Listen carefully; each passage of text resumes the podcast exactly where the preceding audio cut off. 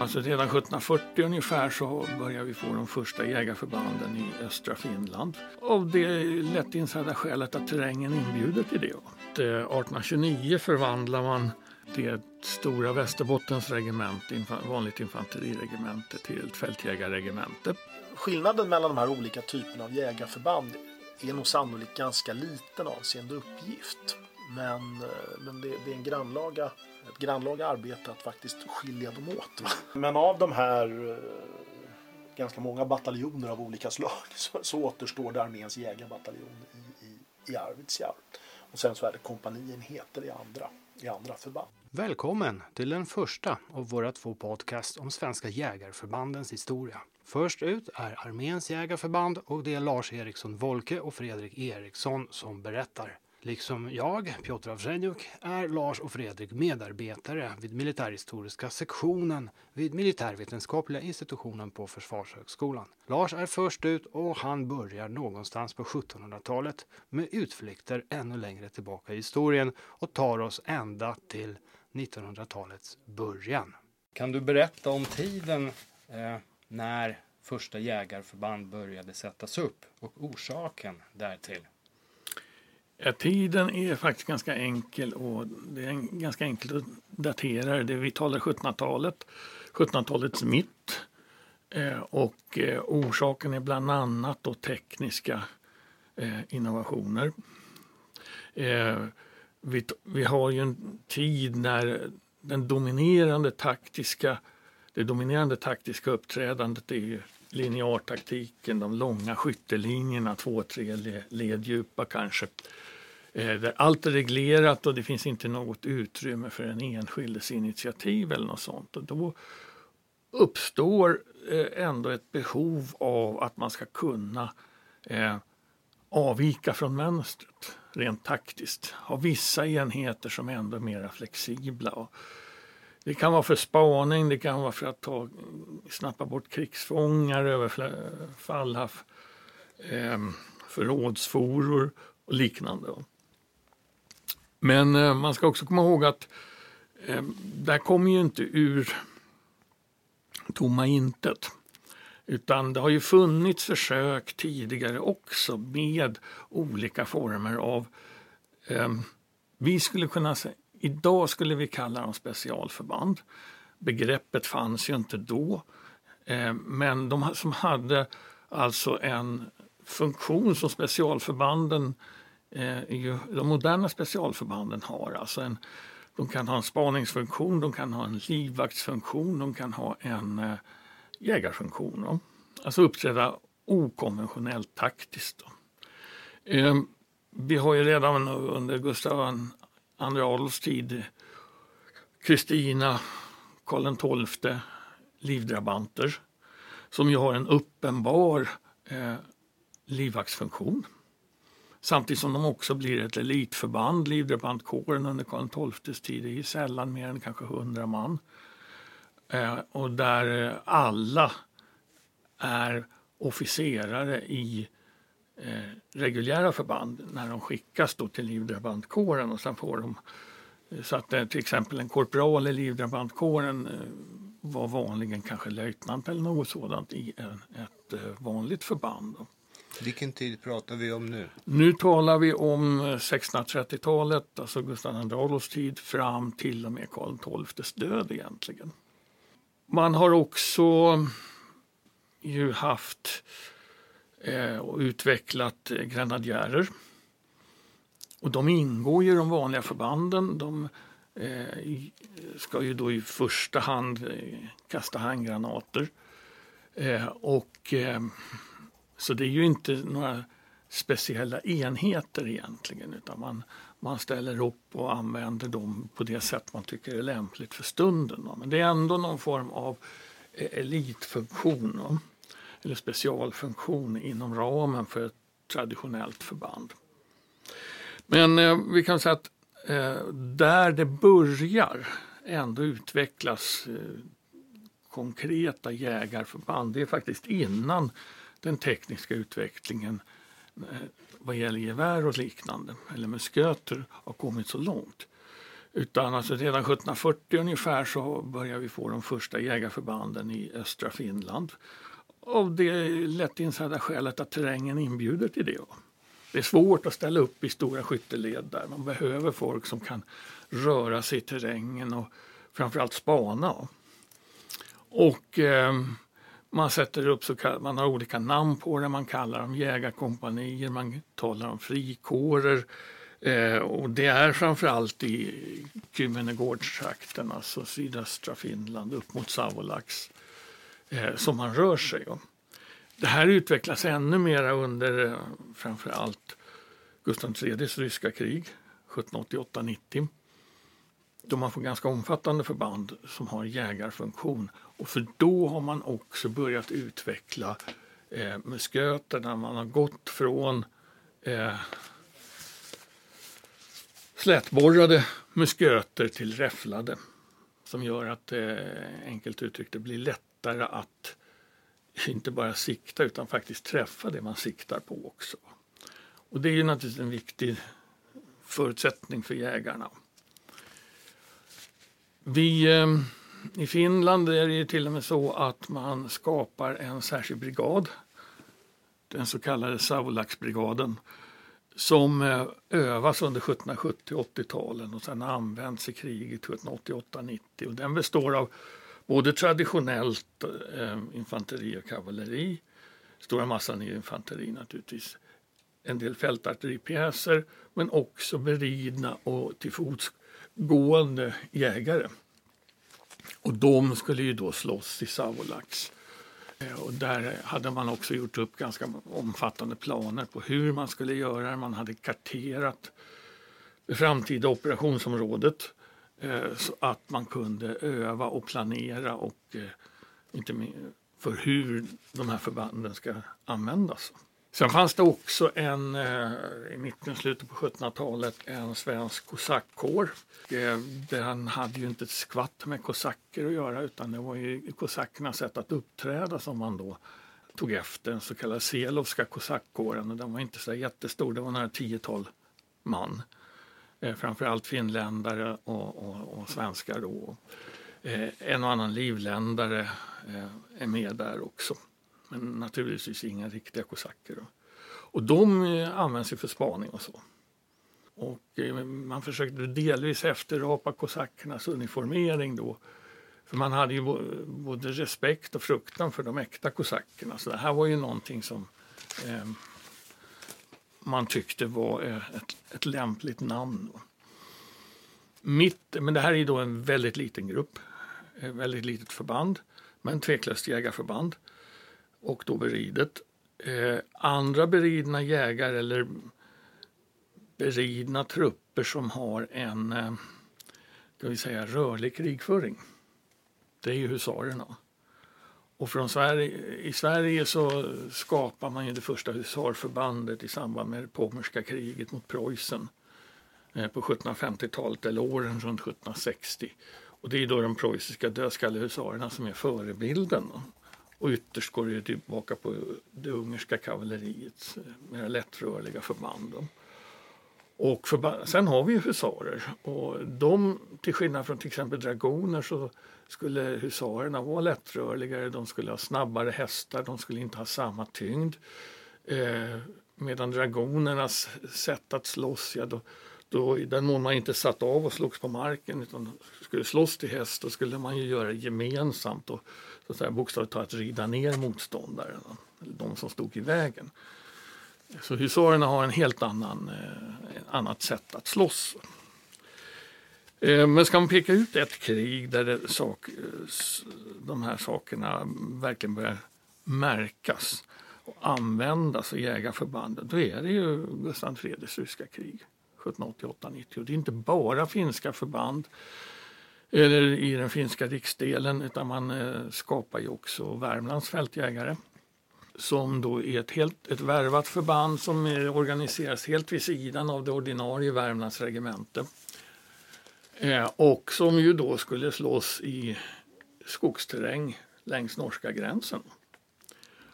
Och här en bit när vi kommer in några år in på eh, 1800-talet så är det också tydligt att de här jägarförbanden börjar få en uniformering som svarar upp mot deras uppgifter. Alltså de, de får eh, oftast mörkgröna uniformer som ska smälta in i skogsmiljön.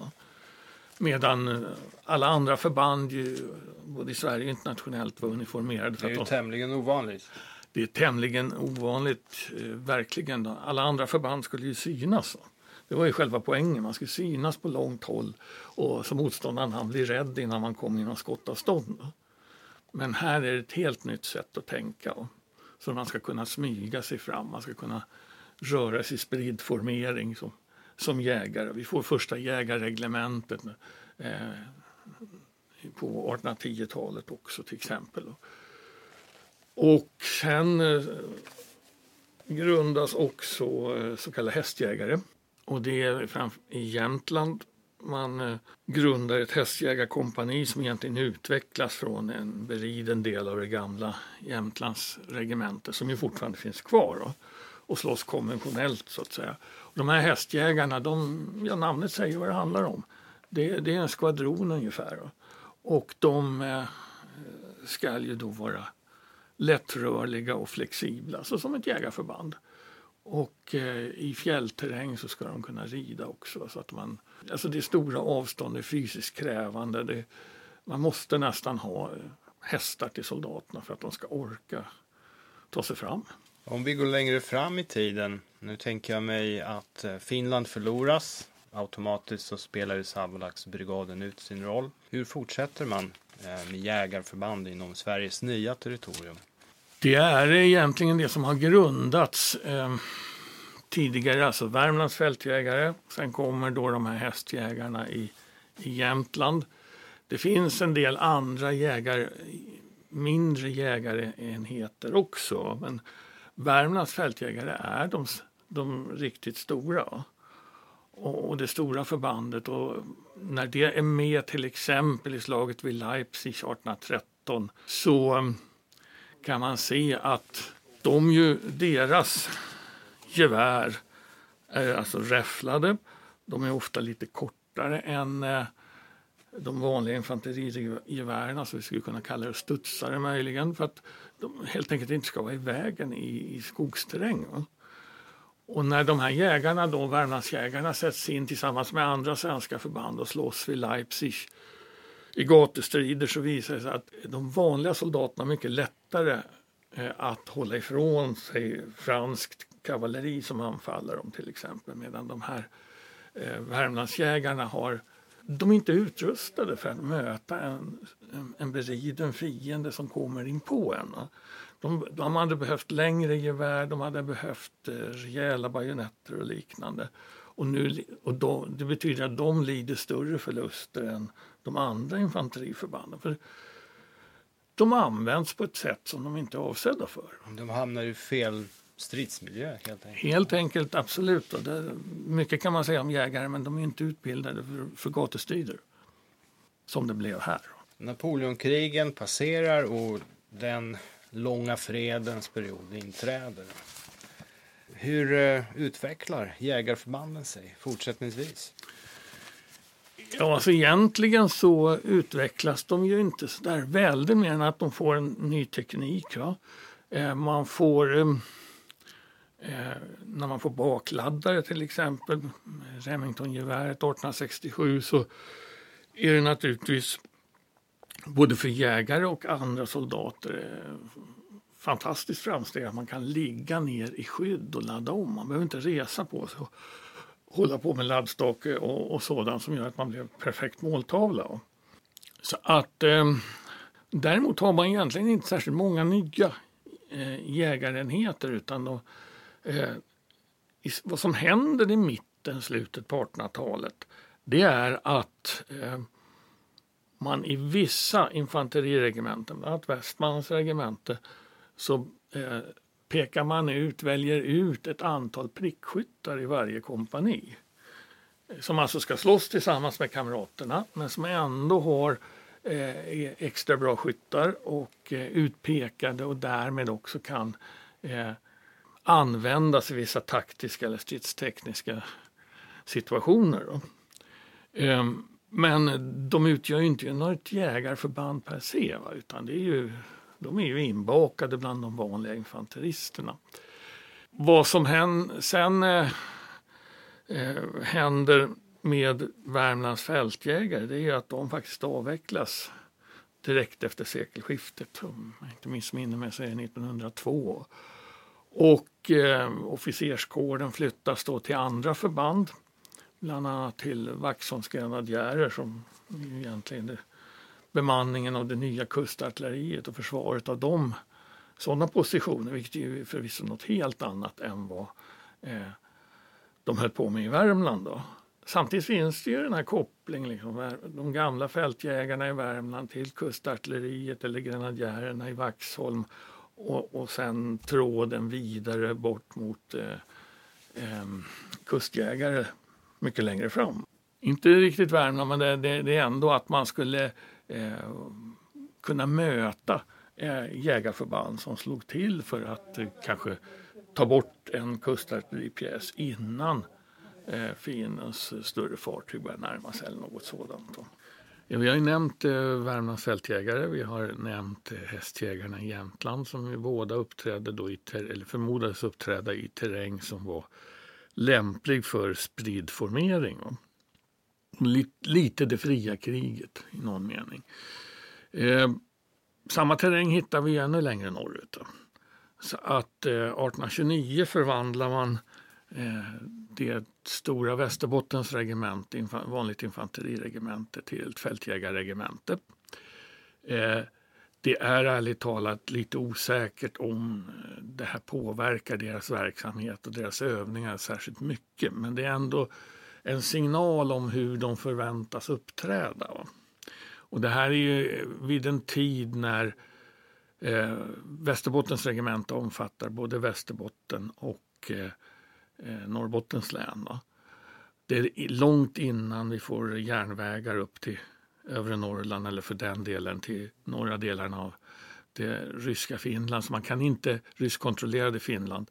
Så man kan inte räkna med att de här eh, fientliga förband som kommer in i övre Norrland eh, kommer att vara, någon större mängd. Men sen 1841 så händer en sak. Då delar man Västerbottens fältjägare. Och det är två bataljoner då. Och den ena, den södra bataljonen, ja, den blir kvar som Västerbottens fältjägare. Fast de devalveras till kår och inte regemente längre. Och den norra bataljonen som är samma som livbataljonen den får då namnet Norrbottens fältjägarkår. Och det är alltså samma operationsområde.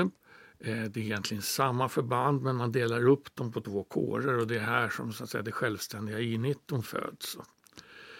Och, och sen finns de här kvar som två fältjägarkårer fram till försvarsbeslutet 1892 som innebär en ganska rejäl upprustning med ett stort antal nya förband, framförallt eh, när det gäller träng och artilleriförband och liknande. Men också att eh, de här två kårerna uppgraderas till regementen och därmed alltså får ytterligare en bataljon vardera. Och när de blir regementen 1892 då tappar man den här beteckningen fältjägare. Återigen, frågan är om det betydde så stor skillnad att de återigen blir infan vanligt infanteri jämfört med fältjägare till namnet.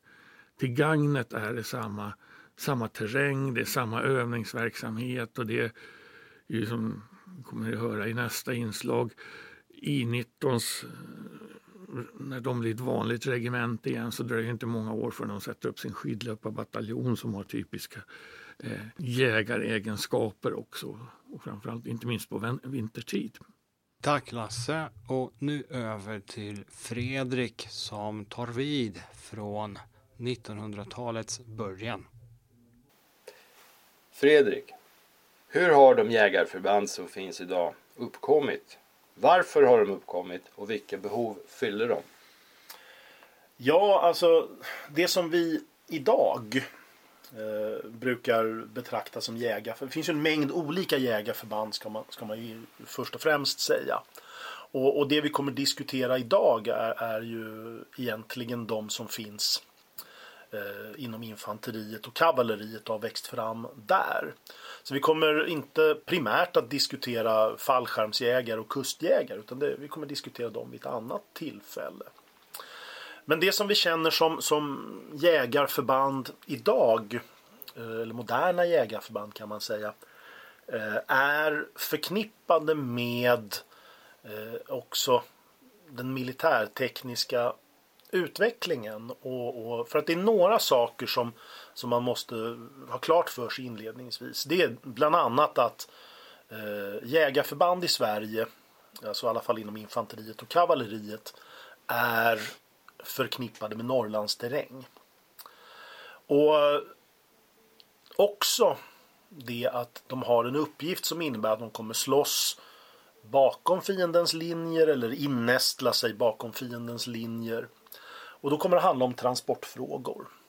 Och eh, när vi tittar på svenska jägarförband så handlar det i hög utsträckning om skidåkning. Det är väldigt mycket skidåkning det handlar om. Men det har också periodvis handlat om hästar. Man har gjort försök med renar. Eh, längre fram så kommer snöskotrar och bandvagnar och i vissa fall terrängbilar. Eh, ännu också helikoptrar för den delen. Men den stora problematiken som, som, som finns hos jägarförband det är just det att de ska strida bakom fiendens linjer eller innästla bakom dem under längre tid. 20 till 30 dygn finns det i, i, i reglementena. Och det som då uppträder är givetvis hur får du med dig tillräckligt mycket mat, ammunition, sprängämnen och alla sådana saker. Sjukvårdsutrustning och liknande. Så transportfrågan är det ganska mycket det som dimensionerar och har dimensionerat jägarförbandens eh, roll och, och, och, utveckling. Och då blir det också den här frågan hur mycket tunga vapen kan man ha va? Eh, med sig bakom fiendens linjer eller in i, i den typen av strid man ska föra. Och som jag sa nu här inledningsvis så kan man, man kan dela in det här också i, i, i några faser. Att vi har en, eh, den första fasen under 1900-talet eh, är, är den som egentligen före, före andra världskriget. Och sen har vi andra världskriget som, som är en, en, en vattendelare. Och sen då har vi perioden efter under kalla kriget som är central egentligen i de svenska jägarförbandens utveckling. Och sen har man en, en, en sista, eh, eller sista kanske man ska säga, en fas också omkring 1980 och 90-talet när ganska mycket utveckling sker inom de här olika förbanden. Så det är, så, det är ungefär så jag hade tänkt att man kan diskutera jägarförband idag.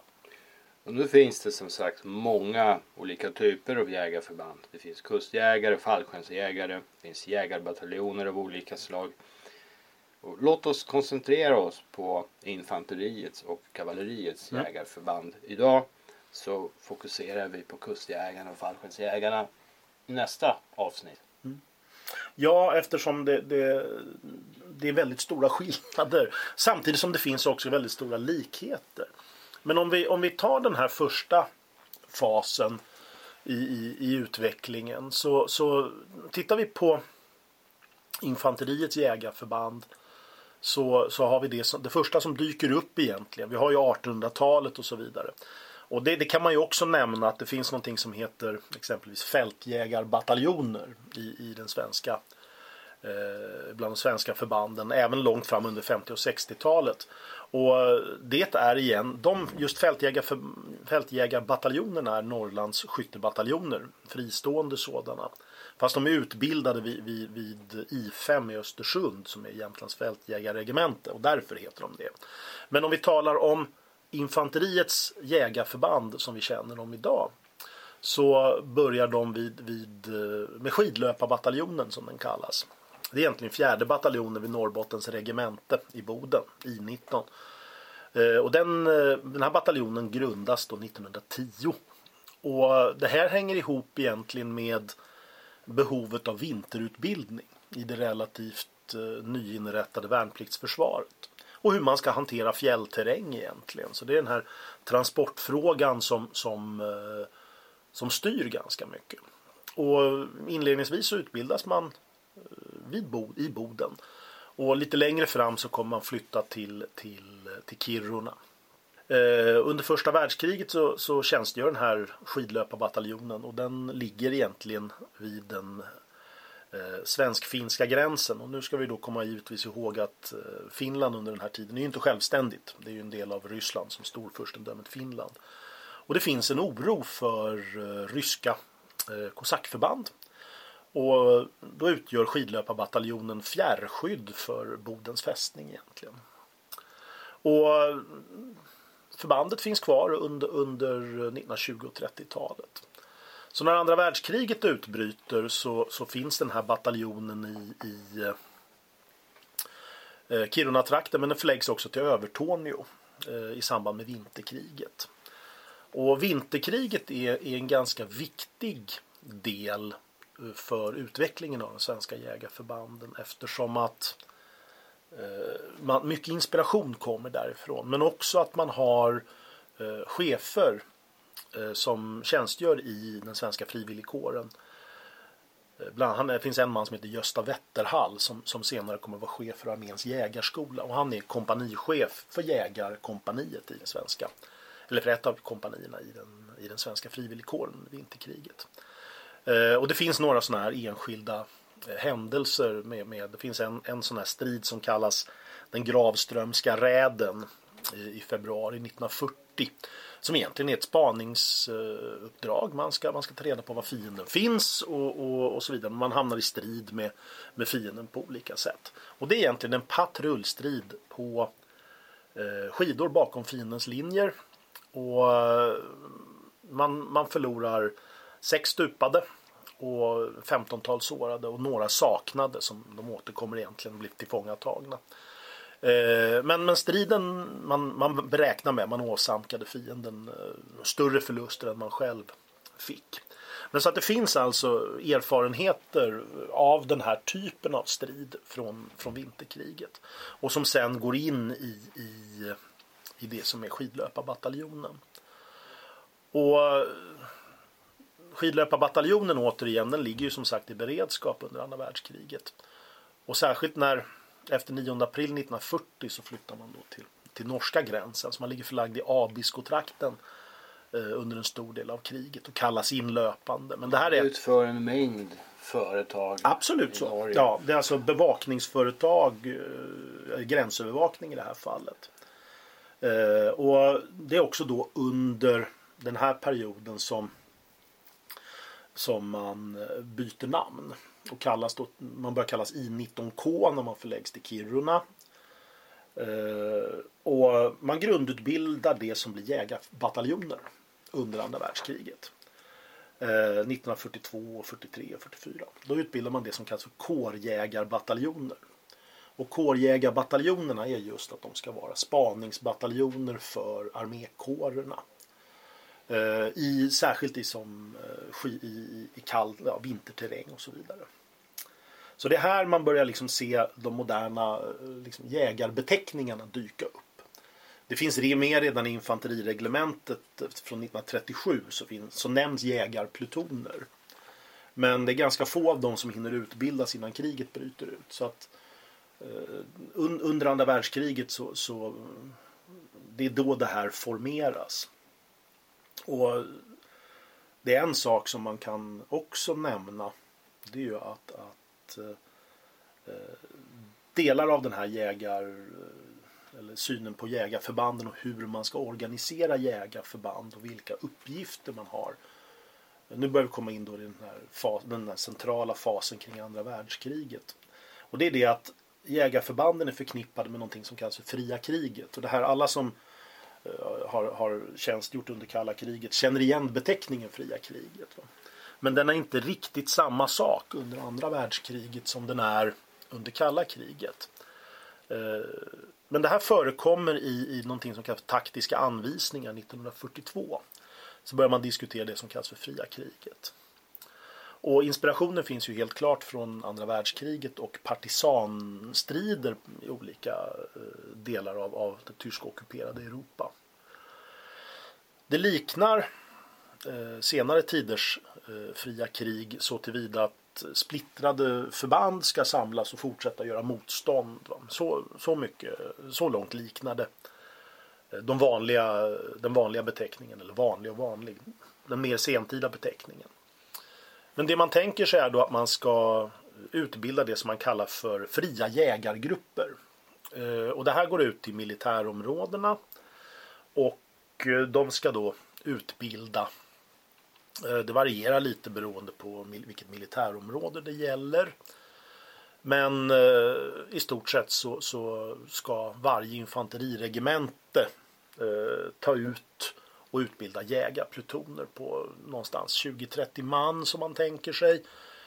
Upp till 50, det varierar i storlek. Och de ska också ha specialutrustning.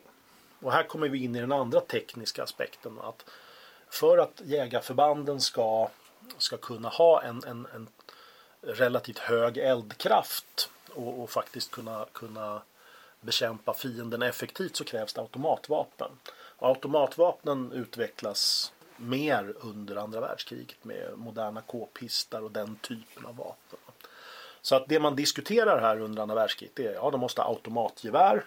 Eh, då, eh, AG42 som den kallas. Och Eh, K-pist 3739 i det här fallet.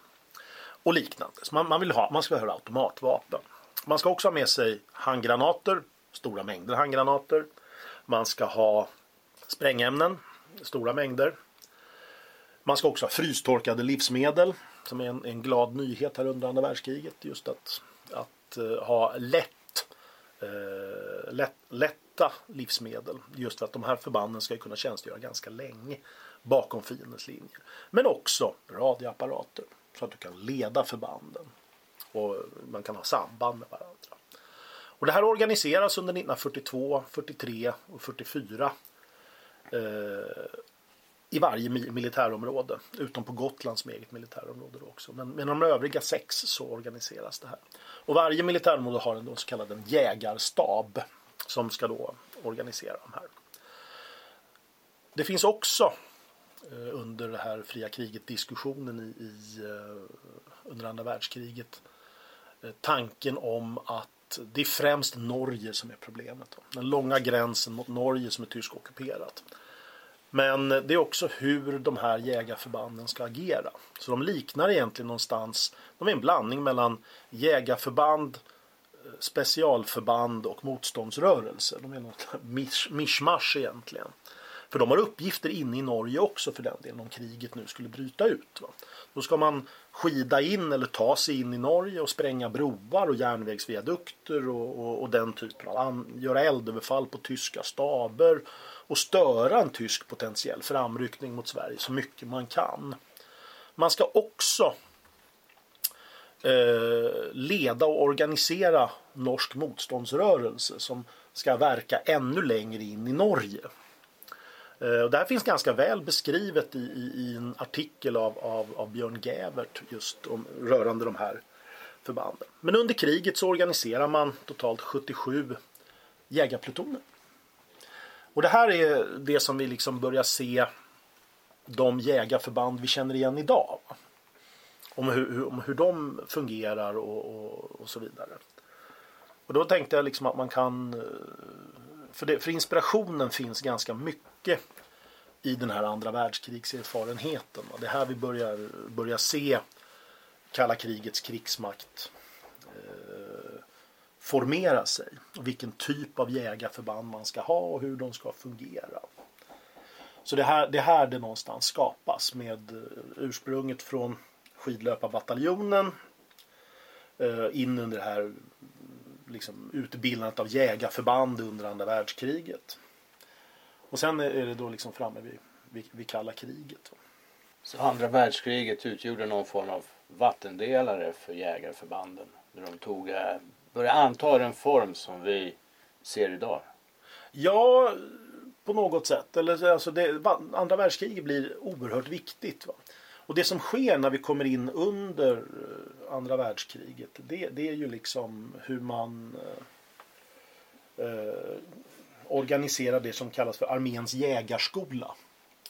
1945. Och det här är då alltså skidlöparbataljonens eh, det som kommer ur skidlöparbataljonen som vi, som vi kommer ihåg. Och det, arméns jägarskola den, den förläggs till Kiruna. Och eh, den första chefen är också Gösta Wetterhall. Den här mannen som har tjänstgjort i vinterkriget. Och vinterkriget spelar ju en väsentlig roll. Och eh, det arméns jägarskola ska utbilda eh, från 1945 och framåt är det som kallas för jägarplutoner. Man utbildar då de här fristående jägarplutoner som leds av så kallade jägardetachement. Vi ser liksom likheterna här med, med den här andra världskrigsorganiseringen. Eh, så under 50-talet så 50, 60, 70-tal någonstans så tjänstgör 300-400 värnpliktiga per år vid arméns jägarskola.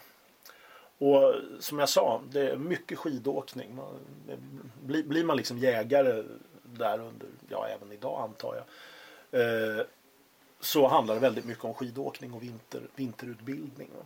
Det är också här man använder hästar. På sommaren så använder man hästar.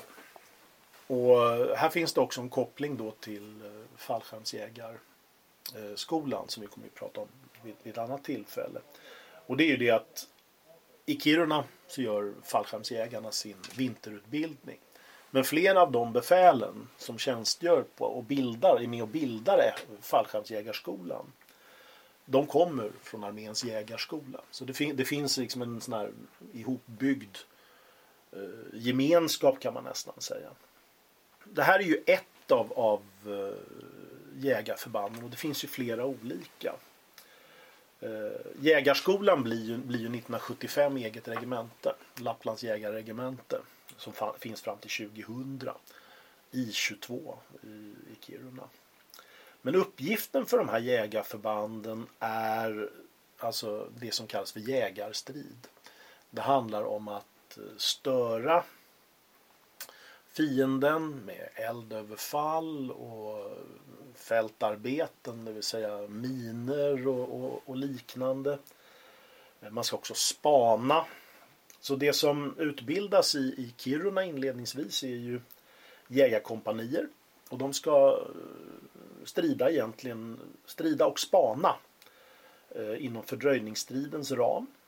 Som det kallas. För det är den svenska eh, Svenska armén ska ju föra en fördröjningsstrid som man tänker sig när ryssarna framrycker från den finska gränsen och så vidare. Och eh, det finns egentligen, det finns ju det finns ju flera olika eh, utbildningsaspekter av det här. Men, men eh, under 60-talet så börjar försöken också med snöskotrar och bandvagnar för, för liksom hur man ska transportera saker. Men det, det är en viss skillnad. Va? För det finns en sån här det finns en sån här namnförbistring eh, mellan eh, olika typer av jägarförband. Nu har jag talat massor om, om arméns jägarskola och infanteriets jägarförband. Va?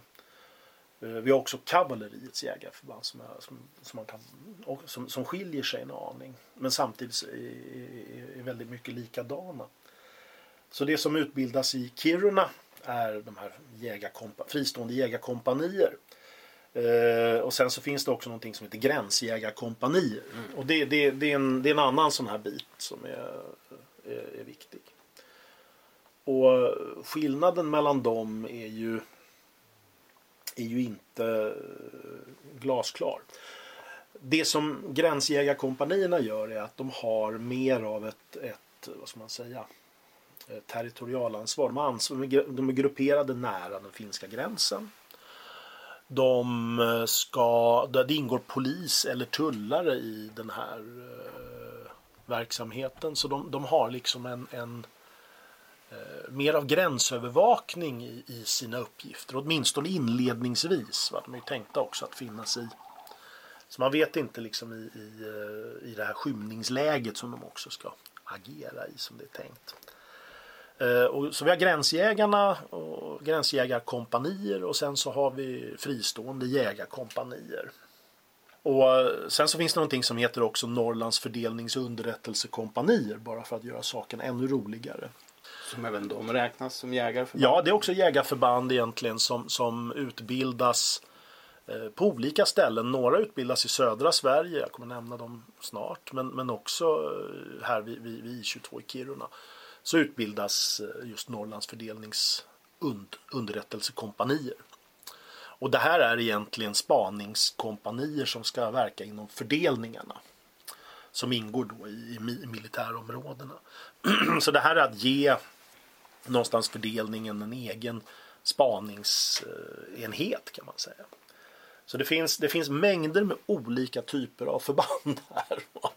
Och, och, det är ingalunda lätt att skilja dem åt. Och eh, initierade personer vet heller inte riktigt skillnaden mellan alla de här olika förbanden.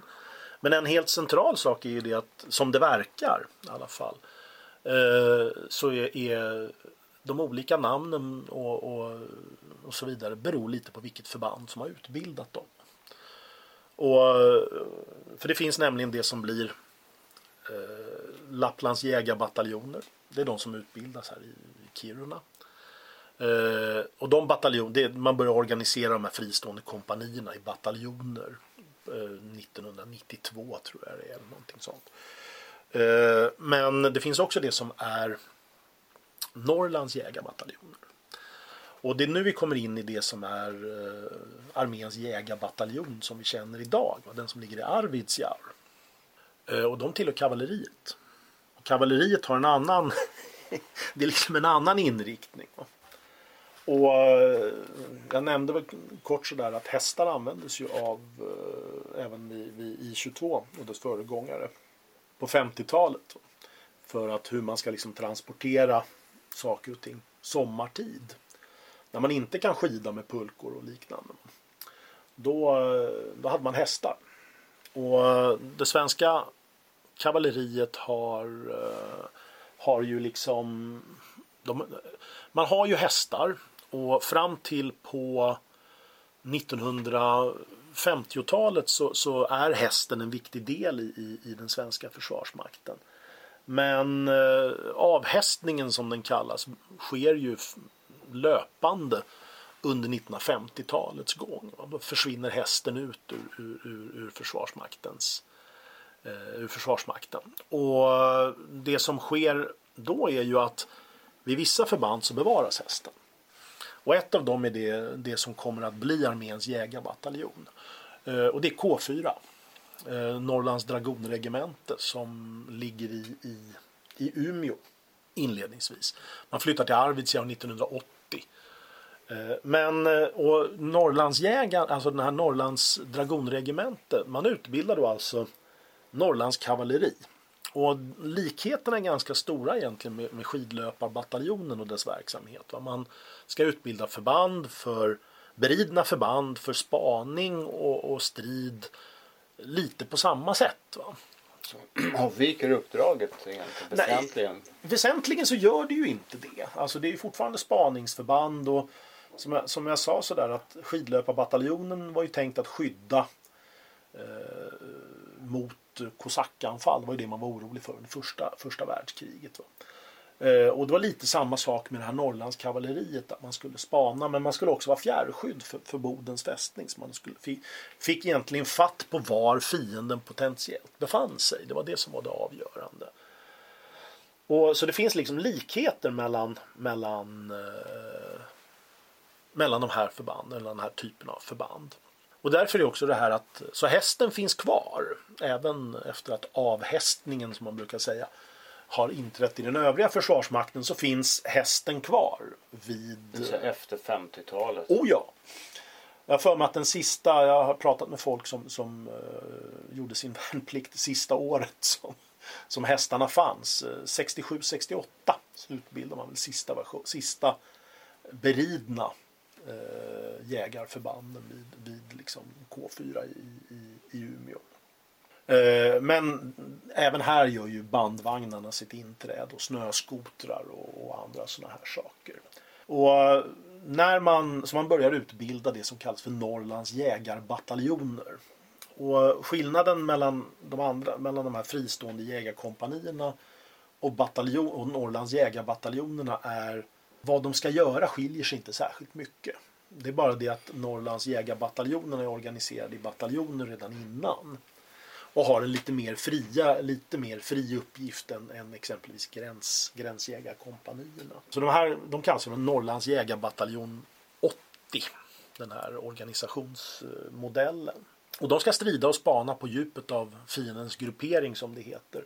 Om man tittar i, i det som är arméreglemente 2 från 1982. Då står där, det är ju källan till all kunskap.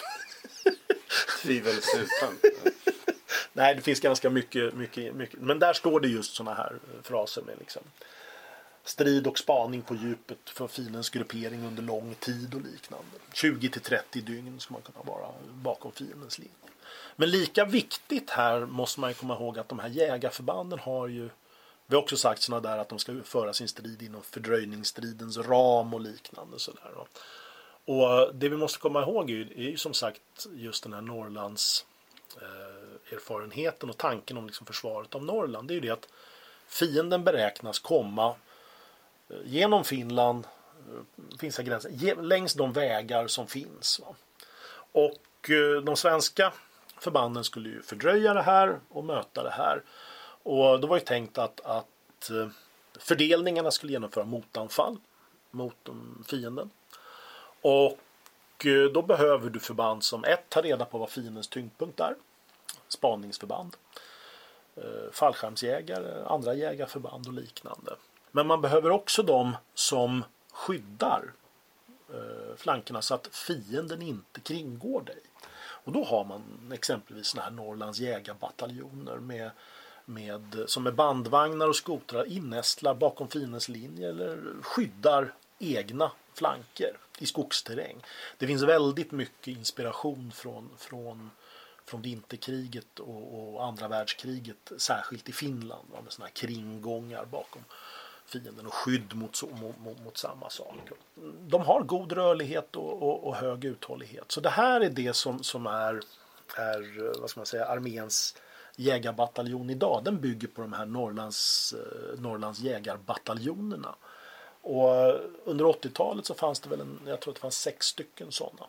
Eh, sådana bataljoner. Om man tittar på, på de här andra så, så eh, i Kiruna så fanns det ju sex stycken fristående jägarkompanier. Och det är de här sex fristående som man då bygger om 92 till, till två bataljoner. Gränsjägarkompanierna de blir ju en del i det som är lokalförsvarsorganisationen.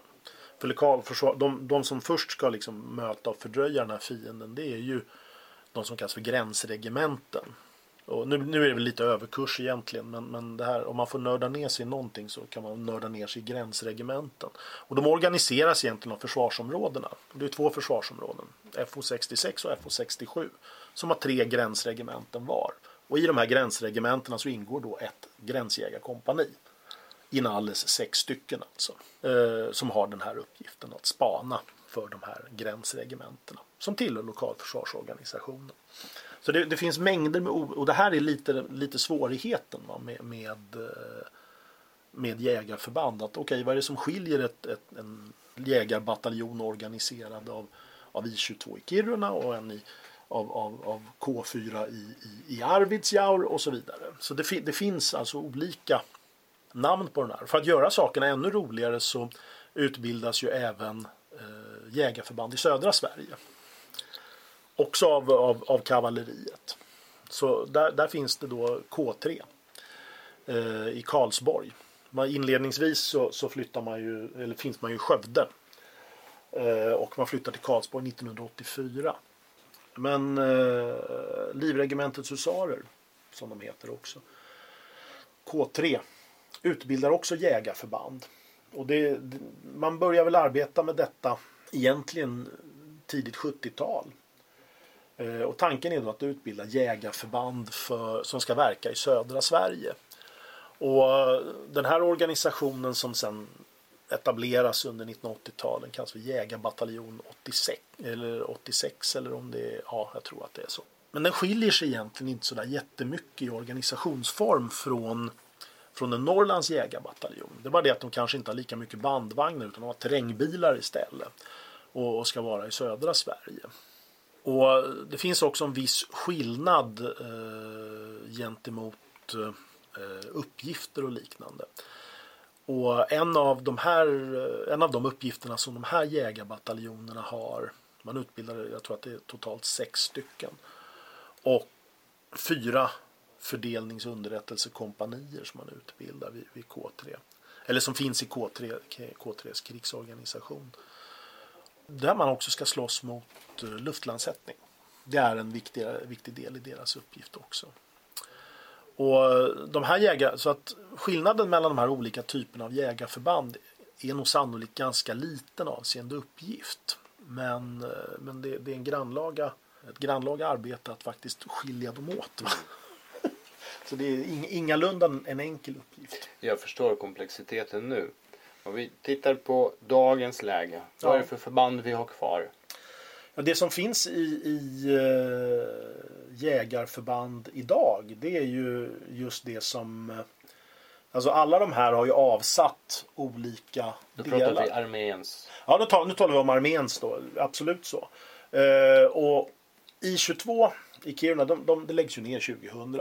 Och då lokaliseras egentligen all jägarutbildning i stort sett inom armén beroende på, jag återkommer till K3 också, till, till Arvidsjaur där arméns jägarbataljon eh, finns idag. Eh, och så det är, den, det är den som har, eller man ska säga, vårdar arvet efter de här olika typerna av jägarförband. Det som vi också har och som, som ingår i, i, i idag det, det är ju det som springer ur, ur fallskärmsjägarna. Eh, och fallskärmsjägarskolan som ju ingår då i, i eh, underrättelsebataljonen så ingår ett fallskärmskompani. Sen har vi kustjägare också givetvis och sådana andra, andra enheter. Men, men av de här eh, ganska många bataljoner av olika slag så, så återstår det arméns jägarbataljon i, i, i Arvidsjaur. Och sen så är det kompanienheter i andra, i andra förband. Så det är det, som, det är det som finns kvar idag. Eh, men å andra sidan så, så det, det, man kan också säga att den tekniska förändringen har ju faktiskt medfört att vissa av de här sakerna som, som man skulle göra under kalla kriget, alltså kringgångar i, i eh, skogsterräng och liknande, eh, har ju blivit allt mer komplicerade med liksom satellitövervakning och, och UAV och alla möjliga andra sådana här saker som har medfört att det är mycket, mycket svårare att obemärkt försvinna i skogsterräng. Vilket man kanske kunde göra under kalla kriget.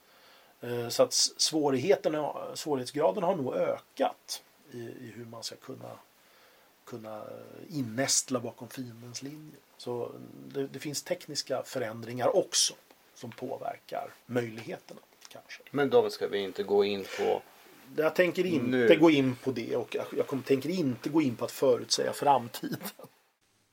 Tack Fredrik Eriksson och Lars Eriksson Wolke som liksom jag är medarbetare vid militärhistoriska sektionen på Försvarshögskolan för denna underbara insats. I nästa podcast som kommer i en snar framtid kommer vi att behandla kustjägare och fallskärmsjägare och därmed avsluta vår korta serie om svenska jägarförband. Vi tackar så mycket för att ni lyssnade och för att ni lyssnade ända hit och hoppas på att ni snart återkommer och fortsätter att lyssna på våra podcaster. På återhörande.